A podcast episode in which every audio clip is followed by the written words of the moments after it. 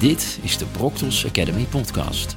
De proctologische podcast door chirurgen van de Proctos Kliniek. In deze aflevering spreken we met Chidem Baharvand over anale fissuren. Uh, Chidem volgt haar opleiding geneeskunde en psychologie aan de Universiteit van Leiden en vervolgens de opleiding tot GE-chirurg in regio Groningen. In 2018 promoveerde zij op het proefschrift Testicular Cancer Diagnostic and Surgical Strategies to Improve Outcome. Um, en na haar opleiding heeft zij gewerkt als fellow gastro-intestinale chirurgie in het Zuiderland ziekenhuis en als fellow bariatrische chirurgie in het uh, Sint-Jan ziekenhuis in uh, Brugge, België. Uh, welkom Chidem. Dankjewel. Je hebt ook psychologie gestudeerd? Ja, dat klopt. En tegelijk allebei afgemaakt? Ik heb het allebei afgemaakt. Dat was in de periode dat ik was uitgeloot voor de geneeskunde. Toen ben ik met de psychologie begonnen. Daar is mijn keuze toen op gevallen. En uiteindelijk ook besloten om het uh, af te maken. Een beetje simultaan. Ja, ik kan me voorstellen dat dat soms wel van pas komt uh, met de patiënten die we zien. Ja, zeker. Um, als expertisecentrum binnen de proctologie is het van belang om ook een dedicated psycholoog in het team te hebben. Dat ben ik natuurlijk niet. Ik ben geen praktiserend psycholoog geweest. Ik heb een studie gedaan en ik heb er wellicht wat kennis van. Maar de puzzelstukjes vallen wel bij elkaar, want proctologie is ook wel heel veel psychologie in de praktijk. Uh, denk maar aan de brain-gut uh, interacties en de, nou, de vele spreekwoorden die we kennen. Een knoop in je maag of het loopt uh, dun door de broek van, van angst. En um, zodoende, als we de proctologische aandoeningen in de spreekkamer en de patiënten zien en beoordelen, komen we ook wel tot de conclusie dat er heel vaak ook andere factoren van invloed zijn op de uiting van de ziekte. En het heeft uh, meerdere uh, elementen waarom het belangrijk is om die dedicated psycholoog in je proctologisch centrum te hebben. Ten eerste ja, de psychologische assessment. Dus eigenlijk het, uh, ja, de rode vlag die op kan gaan na de psychologische assessment. Dat de psycholoog al kan aangeven, nou dit is eigenlijk een patiënt waarbij er zoveel psychologische en biosociale factoren zijn die een rol spelen in de klachtenuiting. Hier moet je eigenlijk chirurgisch gezien van afblijven. Ja. Dus dat rode vlag-element is heel erg belangrijk aan de poort. En dat proberen we ook um, te beoordelen door bijvoorbeeld de patiënt die met chronische pijn of een chronische fissuur wordt ingestuurd, om daar, als het logistiek ook lukt, om ook eerst het gesprek met de psycholoog aan te gaan. Dus dan kunnen we die, uh, dat ook als een soort van filter gebruiken. En het zorgt natuurlijk ook al voor dat je al heel veel informatie over de patiënt hebt, samen met de vragenlijst die ze invullen voordat ze al de eerste keer bij jou op de poli komen. Maar het kan ook van belang zijn bij, het begrijpen van de discrepantie van je resultaten. Dus als je als chirurg denkt, ik heb een technisch perfecte operatie uitgevoerd, het is hersteld, maar de beleving en de perceptie van de patiënt is een hele andere.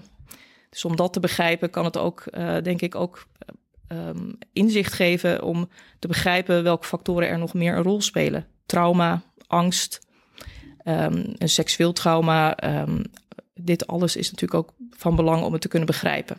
Ja. Dus dat psychologische denkkader en het bekijken van de patiënt als een heel holistisch concept, dat doet uh, de behandeling alleen maar ten goede, denk ik. Dus je hebt er wel, uh, je hebt er nog wel wat aan, aan die studie uh, psychologie. Ja, concluderend wel na, ja. na dit lange verhaal, ja.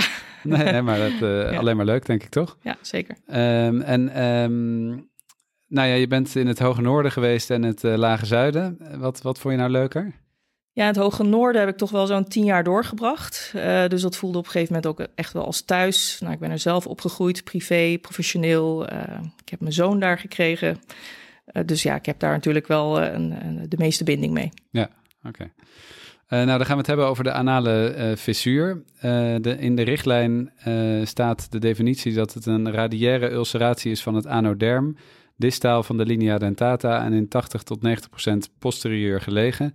Uh, kenmerkend is pijn na defecatie die 1 à 2 uur kan aanhouden en het uh, kan bloedverlies geven. Dat is eigenlijk wat er in de richtlijn staat over de definitie. Um, het, is, ja, het is iets wat heel erg veel voorkomt, denk ik. De huisarts ziet natuurlijk de meeste fissuren. is, ligt het zwaartepunt van de behandeling ook bij de huisarts, denk je? Ik denk dat we de meeste patiënten niet zien. De, dus in die zin zijn we ook niet volledig geïnformeerd over de getallen en de epidemiologie. Uh, 80 tot 90 procent zal vermoedelijk wel spontaan genezen. En dan daarvan uh, ja, zal een klein deel zich presenteren bij de huisarts met klachten. Uh, waarbij ook de initiële behandeling van de huisarts ook wel um, effectief zal zijn. En dus misschien zullen wij maar een paar procent weer van die groep als medisch specialist in het proctologisch centrum treffen. Ja. En wat is nou, uh, hoe ontstaan nou uh, uh, fissuren? Is daar een eenduidige idee achter?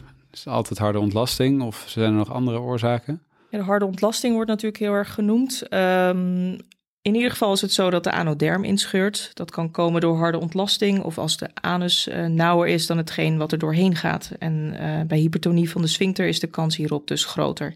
En hypertonie op zichzelf kan ook weer allerlei oorzaken hebben, zoals pijn of stress. En bij de normale evacuatie en ontlasting ontstaat er een uh, relaxatie van de puberectale sling en de inwendige sphincter. En als dit uh, gestoord is, dan geeft dat dus ook meer risico op het ontstaan van fissuren. Um, dus door deze verklaring eh, wil ik al een beetje zeggen dat de dysenergie ook wel een rol kan spelen in het ontstaan van fissuren. Ja, en, en ik denk dat niet alle GE-chirurgen in Nederland daar heel veel mee te maken hebben. Wat, wat is het ook alweer?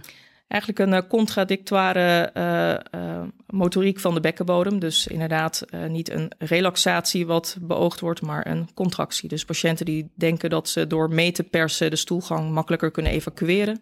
Maar in werkelijkheid knijpen ze eigenlijk de anus dicht. Waardoor er nog meer tensie op de bekkenbodem is en er nog veel makkelijker ehm, ja, scheurtjes en fissuren kunnen ontstaan. Ja, ja, dus door het persen dat je eigenlijk uh, de boel alleen maar nauwer maakt in plaats van ja. uh, ontspannen. Ja. Uh, en spelen huidafwijkingen nog een rol? Liegen of eczeem of... Ja, we hebben in ons proctologisch centrum ook een dermatoloog. Dus huidafwijkingen spelen zeker een rol als het gaat om klachten in het perianale gebied. of het echt bij de typische fissuur een rol speelt, nou niet klassiek. Ik denk dat bij Lichen bijvoorbeeld dat het huidbeeld is te herkennen aan de, ja, de witte, glanzende, porseleinachtige plekken. Waarbij um, uh, ja, het zich ook zeker ook rondom de anus kan manifesteren. Dus dat is ook een ziektebeeld wat we als proctoloog kunnen tegenkomen. Wat je ook daarbij kunt zien is dat er ook van die laceraties ontstaan op de huid. Dus je hebt dan wel eens het idee, wat ook een beetje uh, ja, richting het anoderm. En dan heb je ook wel het idee van, dan zit ik nou tegen een fissuur aan te kijken. Maar toch, meestal, en dat is meestal, is er niet een specifieke hypertonie van de interne sphincter of zijn het niet de typische klachten van de, van de anale fissuur. Dus daaraan is het wel te herkennen. En de therapie zal ook een andere zijn. Ja, ja. Dus deze patiënten zullen wellicht beter reageren op een dermovatencreme en niet zozeer op de deeltiazemcreme. Dus als je bij liegen dat soort kleine uh, wondjes krijgt, dat is dan eigenlijk geen fissuur. Dat, uh, dat, is gewoon een andere etiologie. En de locatie is ook een andere. Ja, ja. Fissuur is natuurlijk klassiek posterieur, daar waar, daar waar de vascularisatie wat meer gecomprimeerd is. En bij een liegen zal dat heel erg atypisch ook op andere plekken zich kunnen manifesteren. Ja. En uh, wat voor een rol speelt nou de hypertonie van de, van de sphincter? Is dat een uh, oorzaak of gevolg? Dat je dus uh, door de pijn van de, van de fissuur daardoor hypertonie krijgt? Of dat je door een hypertonie een, een, een fissuurtje kan ontwikkelen? Ja, we weten het eigenlijk niet precies. En um, als we het over uh, dit onderwerp hebben, dan uh, komen we daar ook steeds wel een beetje op uit. Hè, kip of het ei verhaal. Maar we weten wel dat beide elementen elkaar versterken. Ja. Uh, dus of je nou het kip of het ei aanpakt, je zult je op beide moeten richten om ergens die visieuze cirkel te doorbreken. Ja. Um, en, en die pijn die patiënten ervaren, is dat dan Kom, uh, heeft de hypertonie daar ook een, een rol in? Uh, doet dat pijn dat je een hypertonie hebt? Anaal spasme kan zeker uh, pijn geven, meer een soort van ja, drukkende pijn. Um, en de fissuurpijn, dat is meer typisch ja, die scherpe pijn die patiënten beschrijven. Dus echt glasscherven of scheermesjes heb ik ook wel eens gehoord. Dat is dan uh, de typische fissuurpijn. Ja, ja, ja. Dus dan kan het elkaar een beetje versterken. Maar het dat kan elkaar ja, andere, zeker versterken. Ander gevoel. Ja. Uh, en zijn er dan nog andere oorzaken uh, voor fissuren, uh, bijvoorbeeld bij Crohn of infectieus? Die zijn er zeker, die zijn wat zeldzamer. Um, 10% van de fissuren ja, die ontstaan ook na een partus bij vrouwen. Um, en dan heb je ja, de atypische fissuren zijn al geheel wel zeldzaam, ik denk minder dan 1%. En die zijn dan of lateraal, dus op een atypische locatie, of ze zijn multiple, meerdere fissuren. Primair is het dan belangrijk om de SOA uit te sluiten. Denk maar aan HIV, syphilis, herpes. Um, en bij um, een anuscarcinoom, denk maar aan de wat oudere patiënt die met een fissuur zich presenteert. Je merkt niet echt een hypertonie van de bekkenbodem. uh, dat moet ook wel een soort van uh, ja, vlag zijn van check ook naar andere zaken. En dan zou een anuscarcinoom bijvoorbeeld ook nog wel kunnen voorkomen. Des te belangrijker om te toucheren, om te voelen wat daar nog onder te voelen is. Ja, ja dus dan, dan ontstaat zo'n fissuur doordat er hogerop eigenlijk een, uh, een tumor zou kunnen zitten. Ja, dan, dan zie je eigenlijk top van de ijsberg bij lichamelijk onderzoek. Maar daaronder zit dan, ja, merk je dat de tumor doorloopt. Ja, het is natuurlijk allemaal zeldzaam, maar het is goed om daar bedacht op te zijn. En fissuren kunnen natuurlijk ook een presentatie en een uiting zijn van morbus Crohn. Dus ook in die zin uh, is het belangrijk om altijd wel in je differentiaaldiagnose, zeker als er geen herstel plaatsvindt na een bepaalde ingezette therapie, om bedacht te zijn op andere oorzaken. En waarom zitten die dingen nou bijna altijd aan de achterkant? Is dat een zwakke plek? Of, uh...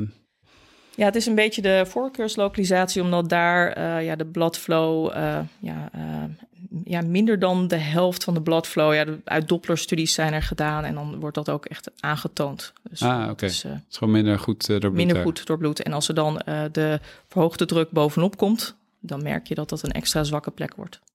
En dan als laatste over de, over de etiologie van fissuren. Is het nou een, een chronische fissuur eigenlijk altijd gewoon een acute fissuur die lang duurt? Of heeft het een andere pathogenese? Um, per definitie natuurlijk wel. Dat is wel hoe we definiëren. Als een fissuur langer dan zes tot acht weken de klachten aanhouden, dan noemen we het een chronische fissuur. En op een gegeven moment is het zo dat het er klinisch op een andere manier uh, ook uitziet. Dus je hebt opgeworpen randen, je hebt wat meer zicht op de interne sphinctervezels. Je ziet een, uh, een sentinel pile, zo'n ontstekingspoliep. Uh, en dus kunnen ook bij chronische, factor, uh, chronische fissuur natuurlijk allerlei andere factoren ook een rol spelen. Stress, angst bij een patiënt, die factoren waar ik het eerder over had. Ja. Maar de, het ontstaanmechanisme initieel hoeft niet anders te zijn. Dat is gelijk. Maar puur de duur, hoe lang het bestaat en hoe langer het bestaat, hoe uh, anders die fissuur er op een gegeven moment uit gaat zien. Ja.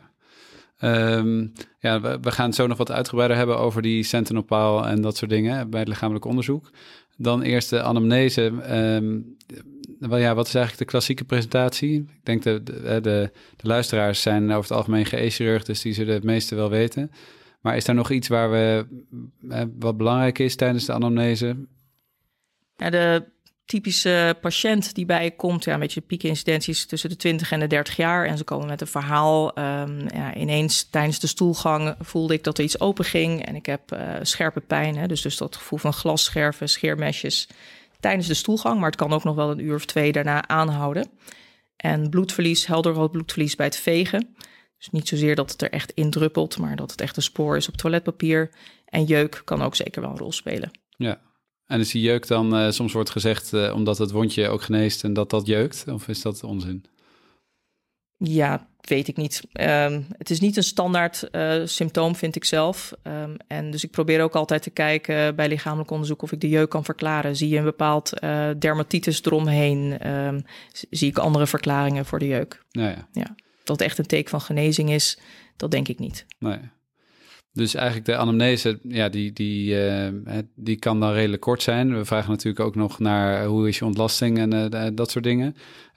Maar als we dan een patiënt onderzoeken, um, nou, wat, wat zien we dan? Uh, het klassieke beeld van een fissuur, dus vaak aan de achterkant. En je had het al over sentinel pile of sentinel tag. Dat die, die termen worden vallen wel eens? Wat, wat is die worden inderdaad wel eens uh, gebruikt als we het over fissuur hebben. Uh, wil zeggen dat de randen van de fissuur... want vaak zie je ook wel als je naar die fissuur kijkt... bij de chronische fissuur dat er een soort van um, uh, ja, marisk omheen zit. En die marisk ziet er wel iets anders uit dan de andere marisk. Aan de andere zijde waarschijnlijk iets meer verdikt, verhard, pijnlijk. En vaak zie je dan dat die fissuur aan de basis van de marisk zich presenteert. Dus ja, het is een uiting van, het, van de inflammatoire reactie. En, um, en uh, ja, het weefsel wat daaromheen ontstaat eigenlijk. Ja, een soort ophoping van uh, littekenweefsel. Ja. En uh, dat kan ook aan de binnenkant zitten, toch? Dat het dus niet alleen aan de buitenkant de basis van de fissuur zit, maar ook dat je een soort hypertrofische papil van Morgagni of zo ja, precies. En uh, dus dat je een hypertrofische papil hebt, wat dan ook uh, ja, die uh, papillen raken bij een infectie vergroot. En dat is, uh, of bij andere irritaties kunnen ze vergroot zijn. En bij het lichamelijk onderzoek kun je dat ook heel specifiek voelen dat dat ja, pijnlijk is. Ja.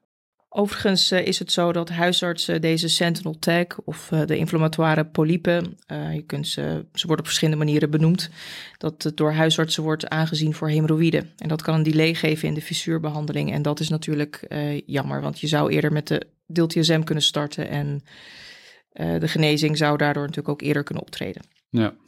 Uh, het rectaal touché dan, is dat, uh, doen we dat bij een fissuur? Of uh, als mensen nou kermend van de pijn liggen, is het dan niet een, een martelmethode? we hebben wel een onderzoek gedaan. ja, Lisette Dekker met een survey onder Nederlandse GE-chirurgen van wie doet het wel en wie doet het niet. en ook allerlei andere vragen als het gaat om de fissuur.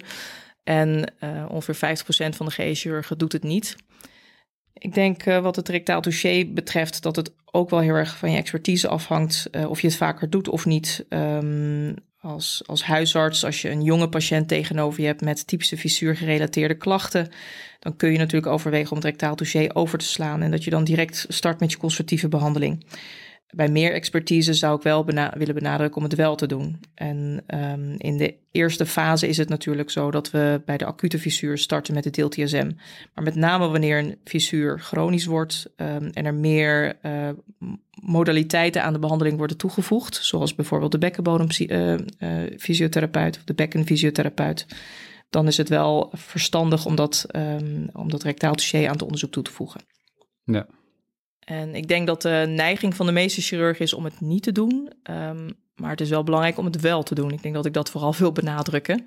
En dat het zelden is, uh, zelden voorkomt dat het niet lukt. Dus dan heeft het meer te maken met een hele angstige patiënt.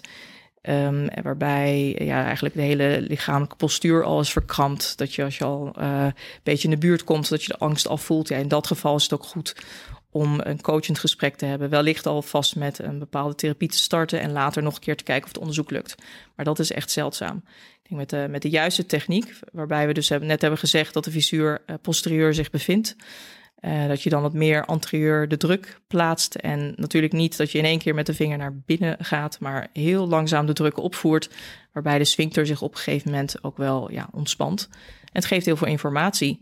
Voel ik inderdaad ja, hoe, hoe ver loopt die fissuur door? Voel ik opgeworpen randen? Voel ik een papil die pijnlijk is? Um, of een andere polyp? Uh, voel ik dat de bekkenbodemspier ook uh, hypertonie uh, vertoont? Want dat geeft dan ook wel wat informatie en kan ook implicaties voor je behandeling hebben. Wat is de tonus van de interne sphincter? Dus al, dit alles is informatie om ook te weten hoe we de behandeling verder voortzetten als de, ja, de conventionele conservatieve therapieën faalt. Ja, dus dan voel je Ehm, de hypertonie van de sphincter en van de levator eigenlijk. Of dat onderzoek je dan uh, onder andere met Touché. Onder andere en natuurlijk ook dus die dysenergie waar we het over hadden. Dus je vraagt uh, de patiënt om uh, nou, te knijpen, te persen. Je voert een bepaalde dorsale rekpijn uit op de levator en je kijkt of dat pijnlijk is. Dus zijn wel een aantal dingen die je al met eh, één onderzoek kunt ja, beoordelen. Ja, Um, daar, we komen later terug op de behandelingen, maar we kunnen alvast denk ik zeggen dat rekpijn van de levator, dat zou dan kunnen wijzen op een levator-ani-syndroom, toch? Dat uh, is iets wat dan kan ontstaan na een fissuur. Daar zullen we zo wat meer over, over praten. Um, en doe je dan ook nog onderzoek met de proctoscoop?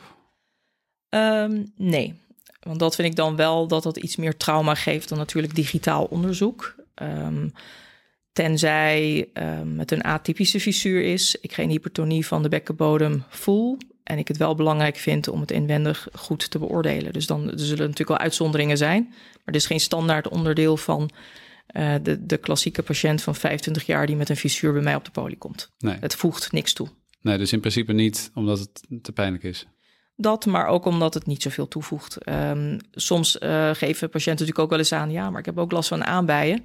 Maar dan probeer ik ook uit te leggen, ja, we moeten toch iets, eerst iets doen aan de spanning van de bekkenbodem en van de kringspier. Waarschijnlijk zullen de klachten van de aanbijen dan ook wel verminderen. Ja. Dus het is belangrijk om uh, nou, de behandeling te starten en dan later te kijken uh, als de fissuur is genezen of het nog bijdragend is om wel een proctoscopie te doen. Ja. En als je nou tijdens het onderzoek, uh, soms kan je wel zien dat er al, al wat epithelialisatie is van die fissuur. Dus dat je op het oog denkt van nou, dit ziet eruit alsof het al een beetje genezen is. Geeft dat nog informatie?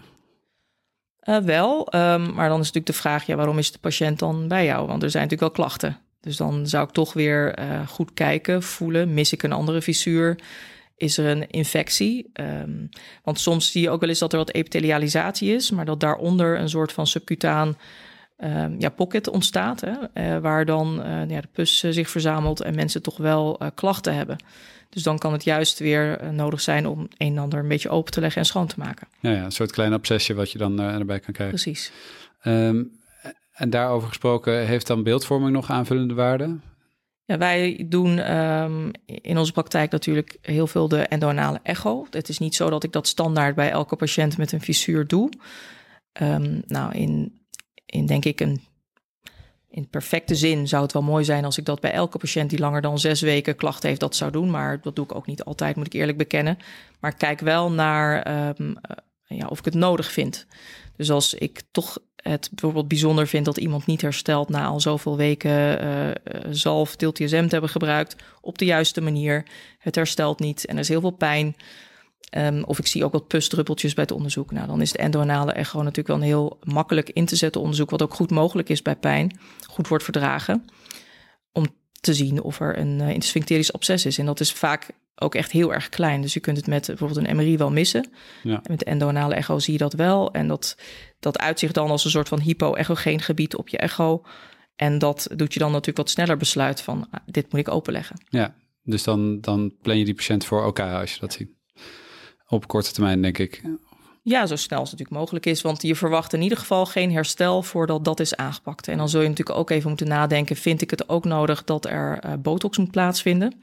Want soms kan het natuurlijk ook zo zijn dat als je dat gebied hebt aangepakt en het infect is weg, dat de hypertonie ook niet direct een rol speelt. En dat mensen daarna natuurlijk ook wel weer last kunnen hebben van uh, vlaatsincontinentie door de botox. Ja, dus ja. dat is even een overweging om per patiënt uh, te maken. Ja, precies. Ja. Nou, we gaan het straks ook nog meer hebben over de botox. Dan uh, gaan we door naar de behandeling van de, van de fissuur. En dan beginnen we eerst met de conservatieve behandeling je zei al dat nou, misschien 80, 90 procent spontaan geneest en dat we die niet eens uh, zien.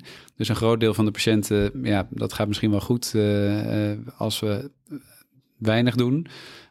Wat, zijn de, wat zijn de stappen, zeg maar, in oplopende volgorde wat je, wat je kan doen? Um, nou, allereerst zullen we beginnen met um, het smeren van uh, DeelTSM uh, crème. Dat is zoals wij het hier meestal doen, dat dat stap 1 is. En dat doen we dan zes weken, twaalf weken afhankelijk van de vordering. En dan zul je ook zien dat nou, toch wel de helft van de patiënten, dat komt ook wel een beetje uit literatuur voort, wel zullen herstellen na de therapie. En, en ISDN, dat wordt ook nog wel eens gedaan. heeft DeelTSM de voorkeur boven ISDN? Um, ja, dat heeft te maken met uh, ISDN kent een wat hogere mate van gebruik voor effectiviteit. En dus als je kijkt naar hoe verwacht je dat patiënten therapie trouw zijn, dan zal het toch eerder zijn bij een crème zoals DeelTSM wat je maar twee of drie keer per dag moet gebruiken in plaats van vier tot zes keer per dag. Ja. Dus dat is denk ik um, reden één. Dus het is ook kosteneffectief. Um, dat is niet de overweging die dan in mijn hoofd met name speelt, maar vooral van hoe gebruiksvriendelijk is het. En bij ISDN wordt ook wel in de literatuur wat meer neveneffecten zoals hoofdpijn beschreven bij 30% van de patiënten. Ja, maar je kan wel overstappen als, uh, want soms kunnen mensen hoofdpijn krijgen toch van ja. Dat je dan denkt van nou laten we toch ISDN... Dan doen we natuurlijk een switch. Het is in ieder geval qua effectiviteit hetzelfde gebleken uit onderzoek. Dus da daarin maakt het niet uit. Ja, en uh, dus dat is de eerste stap. En is dat dan samen met de uh, ontlastingregulatie, als mensen uh, harde ontlasting hebben, denk ik? Ja, inderdaad. ontlastingsregulatie. nou, de richtlijn staat natuurlijk ook inderdaad dus een vezelrijk dieet, laxantia, zitbaden, pijnstilling. Um, dit alles uit een Cochrane database en onderzoek blijkt ook dat het eigenlijk ook niet veel beter is dan een placebo. Um, ik zal niet op basis hiervan pleiten voor een aanpassing van de richtlijn. Maar ik, ik denk wel dat, het, ja, dat er meerdere factoren van belang zijn en dat dat ook per patiënt heel erg verschilt. Dus het is heel erg belangrijk om te kijken. Ja, bij de ene patiënt zal, zal je merken dat vooral het stoelgangpatroon uh, een rol speelt. Die heeft altijd wel uh, obstipatie. We merken ook dat een derde van patiënten met fissuren wel functionele obstipatie hebben. Bij een ander is het misschien het frequente zitten, niet voldoende bewegen, stress, high performing job. We adviseren vaak dat patiënten een ontspannen toilethouding aannemen, bijvoorbeeld met een voetenbankje. En hierdoor neemt de ruimte in de bekkenbodem toe. Dus dit, um, deze adviezen behoren tot uh, de standaard uitleg van de patiënt die bij ons komt met deze klachten. Ja. Dus het is heel erg belangrijk om per patiënt, denk ik, te kijken wat zijn de factoren die een rol spelen. Het is niet een eh, one size fits all en op basis daarvan je adviezen te geven. En pijnstilling, speelt dat nog een rol in de eerste stappen van de behandeling? Ik denk in de eerste lijn zal ook heel veel lidocaïnezalf gegeven worden, voorgeschreven worden, geadviseerd worden. Ja, daar is niet iets mis mee, maar je verwacht daar niet een groot eh, effect van. Nee. Het zal toch wel de, de, ja, de, de zijn die toch een relaxatie van je gladde spiervezels geeft, die echt voor de eh, vermindering van de pijn zal zorgen. Ja. En eh, we schrijven ook nog wel eens protopic voor als het ehm als uh, niet goed werkt. Wat is daar de indicatie voor? Ook daarbij, het is niet eh, ehm, inderdaad niet keuze nummer één. Het is ook niet de standaardroute. Ehm, het wordt wel beschreven in kleine series dat het bij fissuren bij eh, morbus Crohn zou kunnen werken. Of ehm, hoe wij het gebruiken en hoe ik het gebruik, denk ik, als inderdaad de eerste stappen geen effect hebben gehad, maar dat ik ook een fissuur zie met een soort van dermatitisbeeld eromheen. Hmm. Of een soort van lichenificatie van de fissuurranden. En dus die hyperkeratose waarvan je dan denkt van nou daar zou misschien Protopic wel goed op kunnen werken. Ja, want het is best wel heftig spul, toch? Tacrolimus eh zalf. eigenlijk. Precies. Ja. En ik denk dat eerder als ik denk dat deze zalf nodig is, of ik eh, vind ook dat er een dermatologisch beeld aan de grondslag ligt, dat ik eerder mijn patiënten naar onze dermatoloog zal sturen. Ja, ja. Als dat. ehm, eh, we zien ook wel patiënten waarbij, waarbij het eigenlijk niet goed wordt aangebracht, toch? Die deel-TSM. Dat is het een beetje op de anus smeren en niet een klein beetje erin. Althans, dat heb ik eh, begrepen dat je met een half vingerkootje het in moet brengen en anders dat het eigenlijk niet zo goed werkt.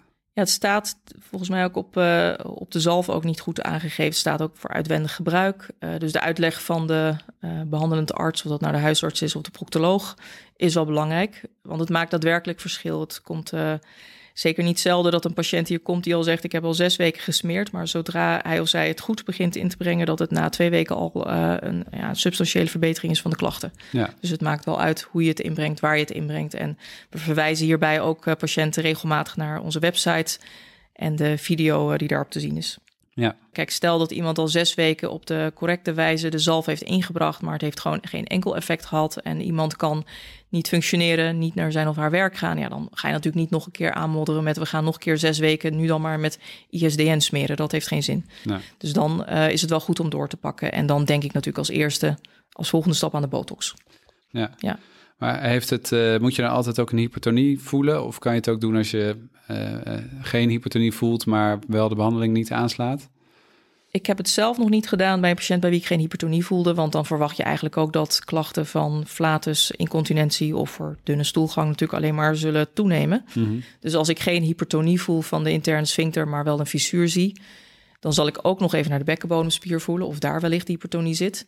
Eh, maar dan zal ik me ook nog afvragen, eh, is dit een atypische fissuur en moet ik aan andere ehm, oorzaken denken? Dus Ja, ja. het is bij, bij een, een afwezige hypertonie van de interne sphincter, zal ik geen botox doen. Als ik twijfel heb, dan zou ik misschien hoogst bij uitzondering wel een anorectaal functieonderzoek eh, kunnen doen. Stel, ik voel het niet, maar de bekkenbodemfysiotherapeut zegt, ja, er is echt een hele duidelijke hypertonie.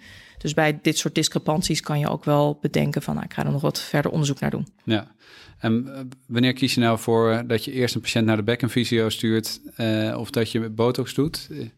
Is het eerst het een dan het ander of kan je het ook tegelijk doen? Het kan zeker tegelijk. In ieder geval hoeft het niet bij de patiënt met de acute fissuur die nog niet met therapie is gestart. Dus eh, bij de acute fissuur is het absoluut eerst smeren en kijken of het herstelt.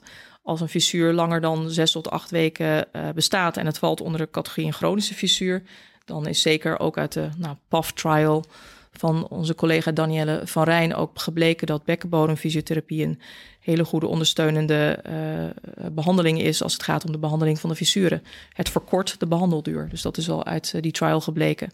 En als we dan ook kijken naar landelijk, dan weten we dat ongeveer 20% van de chirurgen de patiënt doorverwijst naar de bekkenbodemfysiotherapeut met een fissuur. Dus daar is nog wel wat winst te behalen. Dat zou meer kunnen zijn, Ja. denk je. En is dat dus, als je de botox geeft, kunnen patiënten wel naar de bekkenfysio? Het is niet dat eh, doordat er een verlamming is van die spier, dat je er eigenlijk niks mee kan. Nee, vooral wel eigenlijk. Want ehm, standaard sturen we patiënten vier weken na de botox wel naar de fysiotherapeut. Want je wil vooral weer ehm, ehm, ja, die bekkenbodem natuurlijk eh, de coördinatie beoordelen. Als er een dyssynergie is, dat wil je dan behandelen. En de patiënt moet ook weten wat hij of zij voelt. Dus biofeedback kan daarbij ook een uh, aanvullende uh, rol spelen. Dus, die, uh, dus alleen maar een prikje botox zetten en we zien elkaar weer over twee maanden.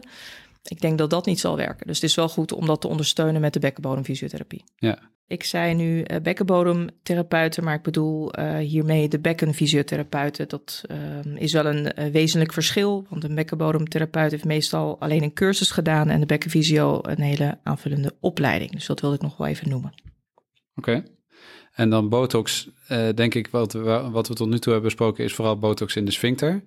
Uh, we geven ook wel eens botox in de levator. Wanneer kies je daarvoor? Um, je hebt natuurlijk die patiënten die een fissuur hebben, bij wie je een hypertonie voelt van je sphincter en je levator. Ook natuurlijk een beetje reactief op de pijn. Um, in die gevallen um, zal ik wel heel erg nadenken, moet ik botox nu al op al deze plekken gaan neerzetten. Want je kunt ook het risico hebben van in één keer te veel relaxatie, waardoor patiënten ook weer uh, klachten hebben. Dus je kunt het ook als uh, gefaseerd bekijken. Als de primaire klacht de fissuur is en de hypertonie van de interne sphincter, dan zou ik daar eerst op afgaan door dat schoon te maken en um, botox in de interne sphincter te doen. Als je uit de anamnese hoort dat een patiënt aangeeft: Oké, ik heb last van mijn fissuur, die zit daar, maar ik heb daarna vervolgens de hele dag pijn en ik lig op bed en ik kan niks meer doen ja, dan ben je natuurlijk ook vooral geneigd om ook die levator mee te nemen. Dus de anamnese is daarin heel erg belangrijk en niet alleen je lichamelijk onderzoek. Ja. Dan nog even, voordat we naar de chirurgische behandeling gaan, uh, kort over de, de techniek van die botox. Uh, hoe doe je dat precies? Welke dosering en waar prik je? En doe je het op OK of op de poli? Kan allebei. Wij doen uh, twee keer 30 eenheden botox op twee locaties. En vaak is het het idee dat je dat contralateraal, dus je fissures uh, meer posterieur, dat je het iets meer anterieur op uh, twee plekken de injectie zet. Met het idee dat daar dan dus die lokale verlamming optreedt en dat dan de stretch tijdens de stoelgang vooral daar anterieur is en niet zozeer posterieur en dat de fissuur niet verder beschadigd raakt. Ja, ja. Dus dan als het doorzaal zit uh, op zes uur zeg maar, dan prik je op twee en op tien uur. Precies, ja. ja. Um, en kun je dat eindeloos blijven herhalen? Botox. Als, je, als het uitwerkt na drie tot zes maanden dat, en patiënten krijgen weer klachten, dat je ze gewoon ieder half jaar een prikje geeft? Het kan. Um, en we zijn ergens ook niet helemaal natuurlijk geïnformeerd over wat zijn de lange termijn effecten bij herhaaldelijk zo vaak botox doen. Uh, maar de grootste reden om het denk ik niet te doen is dat je uh, een patiënt ook het uh, herstel niet moet misgunnen. En uh, als, soms kan het zo zijn dat een lis wel de beste optie voor die patiënt is. En um, botox kan ook een uh, cirkeltje zijn waarin je vastzit, omdat je maar niet aan andere opties zoals de lis wil denken. Want de patiënt en de chirurg natuurlijk, de, de, de bedeesde complicatie is een incontinentie. Dus dat is toch een ingreep waar we het liefst nog een beetje bij uit de buurt blijven. Ja. Maar eindeloos botoxen en ook um, niet verder komen met die patiënt is ook niet goed, denk ik. Het is in ieder geval een optie die besproken en overwogen moet worden. Ja. Um, nou, dan de chirurgische behandeling van de fissuren. Uh, je noemde de LIS al eventjes. Um, maar eerst even de, de, de wat, wat eenvoudige, uh, eenvoudigere aanpak, de fysiorectomie. Uh, hoe doe je dat eigenlijk goed? Is dat alleen maar het uitkrabben van die, van die fissuur? Of hebben we daar nog speciale gedachten over? Ja, een fysiorectomie is uh, met name zinvol als er sprake is van opgeworpen witte randen en er geen genezingstendens is waar te nemen. En het is natuurlijk van belang om dit ook subtiel uit te voeren, omdat je de integriteit van de intersphincterische ruimte kunt uh, verstoren en daarmee aanleiding kunt geven voor juist het ontstaan van uh, infecties. Oké, okay, en nog andere punten, aandachtspunten over de fysiorectomie? Ja, goed kijken naar wat de onderhoudende factoren zijn van die fissuur. Dus zit er ook een, inderdaad een sentinel pile polyp, wat uh, daar ook lokaal de genezing verstoort. Dan is het ook de bedoeling dat je die meeneemt en dat je dus de fissuur op die manier schoonmaakt. Um, het liefst doe je de botox en de fysiorectomie in één op de OK. Als je toch al van plan bent om die fysiorectomie te doen. Stel om logistieke redenen, je kunt pas uh, over zes weken de operatie doen, maar de patiënt heeft heel veel pijn. Dan kun je er ook voor kiezen om de botox eerst te doen en dan later aanvullend de fysiorectomie te doen. Ja. Um, en nabehandelen met uh, deel TSM? Of, of hoeft dat? Uh, of... Zeker in het begin uh, is dat wel verstandig, omdat de botox natuurlijk niet uh, meteen um, zijn werking heeft. Dus dan kan het nog wel verstandig zijn. Er zijn heel veel patiënten die er baat van hebben om dat nog na de operatie te continueren. En ze merken meestal vanzelf wel wanneer de botox echt uh, begint te werken. En dan zie je ook wel dat ze um, ja, vanzelf ook weer stoppen. En dan komen ze op de poli waarbij ze aangeven... ja, ik vergeet het eigenlijk heel vaak om te smeren. Het gaat goed. En wat zijn dan de succespercentages van zo'n visorectomie? Die zijn op zich wel uh, hoog. Um, een review uit 2020, waarbij er tien uh, beschrijvende studies zijn geweest, laat zien dat er nou, bijna 80% van de gevallen wel een symptoomverlichting is. Um, en ook wel in uh, nou, zo'n 85% geval ook wel genezing op den duur. Mm -hmm. En dan um, er kan natuurlijk wel een recurrence na één jaar kan wel optreden. Dat zag je in die studies dan na drie, ja, bij 3% van de patiënten. Ja, ja. ja. oké, okay, nou best wel goed. Um, nou, en dan de LIS, uh, de, de, de laterale interne sphincterotomie. Um, volgens de richtlijn is dat nog steeds de, de gouden standaard. Um, is dat, uh, wat zijn de indicaties daarvoor? Als de rest niet werkt, doen we LIS? Uh, als de rest niet werkt, uh, doen we een list. Maar natuurlijk wel bij een duidelijke hypertonie van je interne sphincter. Uh, stel je hebt minimaal twee keer wel botox gedaan en um, nou, het heeft even effect, maar de klachten komen in alle hevigheid weer terug. Dan kun je de list met de patiënt bespreken. En in de literatuur um, ja, wordt dat beschreven waarbij het echt tot aan de linea dentata wordt doorgenomen. Ik denk dat, dat wij hier wel wat voorzichtigere aanpak hebben. Um, de kans op incontinentie is niet heel erg groot als je naar de literatuur kijkt. Zo ongeveer um, ja, 6,5% wordt gerapporteerd. En vaak is dat ook wel van voorbijgaande aard. Mm -hmm. En uh, zoals, zoals wij dat hier doen, we zullen van tevoren een endo-echo maken om het anale kanaal van de individuele patiënt ook al op te meten, want dat verschilt natuurlijk. En aan de hand daarvan te bepalen wat is een derde van de interne sphinctervezels bij deze patiënt. Ja. Dus aan de hand daarvan de uh, sphincterotomie te plannen en uit te voeren. Ja, dus dan meet je de lengte van de sphincter en dan weet je precies hoeveel je precies. weg moet halen. Ja. En hoe, hoe doe je een, uh, een goede list? Wat zijn de, de stappen van de, van de ingreep? Nou, de allerbelangrijkste stap is uh, het goed isoleren van je interne sphincter tijdens de procedure. Dus natuurlijk uh, terechtkomen die intersphincterische groeven, maar ook aan de mucosale zijde ook wel uh, goed te hebben gedissekeerd, zodat je al daar ook niet uh, letsel maakt. Dus wanneer je de interne sphincter met je pincet goed daartussen vast hebt en je hebt hem duidelijk geïsoleerd, ja, dan kun je gaan naar de knip gaan zetten. Dat is natuurlijk niet het moeilijkste. En dan sluit je het weer met uh, Vicryl. Ja, en dan maak je de incisie radiair op drie uur over het algemeen, toch? Dat, uh... Je maakt hem inderdaad, uh, nou laten we zeggen, van een kleine incisie van, ja, wat is het, twee tot drie, zoiets. Of net, net over drie uur, ja. Ja, ja. Um, kan het bij mannen en vrouwen? Is daar, zijn daar nog, vrouwen hebben een, een kortere korter, kortere sphincter. Is dat, uh, moet je dan terughoudender zijn? Ja, des te belangrijker om die endo-echo te doen en om natuurlijk ook te kijken wat is uh, de lengte van de interne sphincter bij deze patiënt. En het is natuurlijk ook goed om te kijken, terughoudendheid bij vrouwen is wel geboden. Om te kijken van, um, is het iemand die al staats naar bevalling heeft? Is er nog een kinderwens? Uh, dus al deze factoren natuurlijk ook wel in, uh, ja, in rekening uh, mee te houden. Maar het wil niet zo zeggen dat je het dan absoluut niet moet doen. Nee. Want als er echt een hele duidelijke uitgesproken hypertonie is wat klachten geeft, dan kan je een beperkte, wel overwogen lis wel doen. En bilaterale lis, is daar, is dat nog, is daar nog een indicatie voor? Dat, um, dat wordt ook beschreven in de literatuur als zijnde dat het in ieder geval niet meer klachten van incontinentie geeft. Dus het lijkt wel veelbelovend. Um, zoals wij het in de kliniek doen. Ik we hebben het nog niet eerder bij een patiënt allebei tegelijk gedaan. Maar wel is het voorgekomen dat we een, ja, eenzijdig dan de list doen. En dan merken dat dat onvoldoende relaxatie heeft gegeven. En dat we dan een complementaire list doen aan de contralaterale zijde. Ja. Andere technieken nog? Um, VI-plastieken, houseplastiek. Is dat. Uh, wanneer, wanneer zou je dat doen? En moet je het überhaupt doen?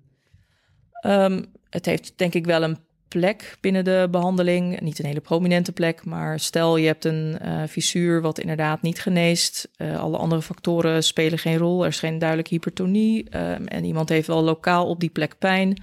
Dan kun je natuurlijk met een VI-plastiek, houseplastiek de, de fissuur weer bedekken. Het heeft niet een extreem hoge slagingspercentage. Ik denk zo rond de 50% kom je in de literatuur tegen. En ja, het is te bewaren techniek voor patiënten bij wie elk ander beleid heeft gefaald. Dus dan maak je, uh, hoe doe je dat uh, uh, precies? Maak je een soort flapje wat je over de fissuur heen hecht? Precies zo, precies inderdaad een, een, een, een cutaan huid, een huidflapje wat je dan over de fissuur hecht om dan de fissuur te bedekken en met zodoende om de, ja, de pijnklachten van de patiënten te verminderen, opdat het dan herstelt. Ja. ja. en de Lord-procedure, is dat nog iets wat gedaan wordt? Nee, dat wordt eigenlijk niet meer uitgevoerd. Het is een ongecontroleerde techniek waarbij je door tractie uit te oefenen um, de spiervezels kapot kunt trekken. Dus je kunt dat niet nauwkeurig doen. Natuurlijk kan het wel zinvol zijn dat de patiënt zelf met behulp van bijvoorbeeld de bekkenfysiotherapeut de, sphincter, eh, de inwendige sphincter manueel oprekt. Maar dat behoort tot het uh, werkgebied en de behandelingen van de bekkenfysio. Uh, dan als je een recidief krijgt of een residu, als het niet goed geneest eigenlijk. Hè, de, de vraag is dan of het een opnieuw ontstaande fissuur is of dat het gewoon uh, de behandeling niet aanslaat. Wat, wat doe je dan? Um, het heel goed ja, weer te kijken naar alle patiëntfactoren. Inderdaad, speelt hypertonie nog steeds een rol? Is er een infectie? En ik denk dat dat het belangrijkste is ook wat ik wil meegeven als een fissuur niet geneest, om echt uit te sluiten dat er niet een intersphincterische infectie is. Want dat is niet iets wat je meteen op het oog ziet. Je kunt het wel uh, deels eruit halen, ook met je lichamelijk onderzoek. Dus het is wel belangrijk om daar bedacht op te zijn. Uh, dus dat en ook allerlei andere patiëntfactoren. Dus uh, speelt er angst, stress. Um, soms zie je ook dat een patiënt met een fissuur ook echt een chronische pijnpatiënt is geworden. Dus dat moet je ook wel herkennen, die overgang. Want dat wil ook zeggen dat wat voor chirurgie ook doet, ook wanneer we op het oog een goed herstel hebben, de kans dat de pijn niet meer weggaat ook wel aanwezig is. En uh, hoe kunnen we dan nog iets doen voor de patiënt als ze chronische pijnpatiënt zijn geworden? Naar de pijnpolie sturen of Um, nou, er zijn dus een, uh, uh, je kunt het uh, lokaal desensitiseren door met een protocol en informatiefolder wat je aan de patiënt meegeeft met het aanbrengen van xylocaïne zalf dagelijks en het zelf ehm, manueel um, ja, daar smeren, druk uitoefenen. Naar de bekkenbodemfysiotherapeut uiteraard, de psycholoog, want het heeft vaak ook wel anale klachten hebben en invloed op meerdere terreinen in het leven. Zo'n kleine fissuur kan ervoor zorgen dat iemand al maanden eigenlijk uh, ja, niet heeft gewerkt en niet meer heeft gefunctioneerd in de, in de samenleving. En dan zie je ook dat ze in een soort van neerwaartse spiraal tegenkomen, terechtkomen. Dus dat is belangrijk om te herkennen. En vooral als er ook, um, het is vaak een perifere sensitisatie, maar ook te kijken of er ook centrale sensitisatie is. Dus hebben ze ook door de pijn daar ook lage rugpijn, uh, bekkenpijn. Hè, dus andere zaken kunnen ook uh, optreden. Ja. dat is misschien wel weer allemaal een ander onderwerp. Klinkt alsof we daar nog een hele podcast ja. over kunnen vullen.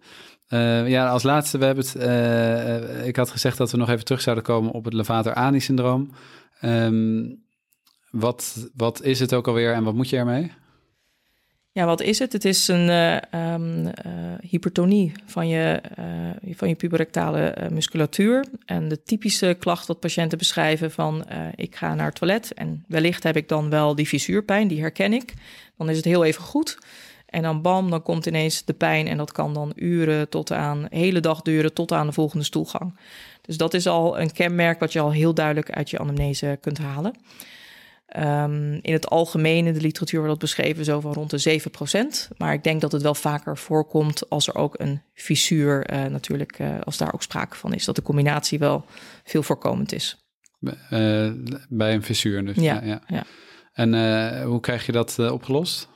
Begint met herkennen. Want als je er niet naar op zoek gaat, dan uh, zul je het ook niet herkennen en zul je er ook niets mee doen. En dan zal stap 1 bekkenbodemfysiotherapie zijn met uh, dorsale rekoefeningen om die verkramping eruit te krijgen. Dus dat kan al effectief zijn.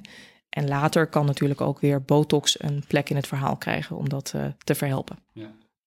Mooi. Nou, dan zijn we aan het einde gekomen van deze aflevering. Is er nog een afsluitende boodschap die de luisteraar mee wil geven? Denk dat ik al heel veel heb gezegd, maar nog een paar dingen om mee te geven. Um, luister goed naar de patiënt. Mijn ervaring um, is het zo dat uh, heel veel uh, diagnoses je eigenlijk uit de anamnese al kunt stellen en al terwijl je met de patiënt praat al een beetje een idee hebt welke kant de behandeling uh, naartoe gaat en waar je straks met lichamelijk onderzoek op wilt letten. dus luister goed. Um, bij pijn, uh, doe altijd toch een rectaal touché. Want het komt echt maar zelden voor dat dat niet lukt. Het geeft gewoon heel veel informatie. Geen proctoscopie, dat zou ik niet doen. En ook vooral heel belangrijk, zeker niet een rubberbandligatie als je ook nog eens toevallig aanbijen ziet.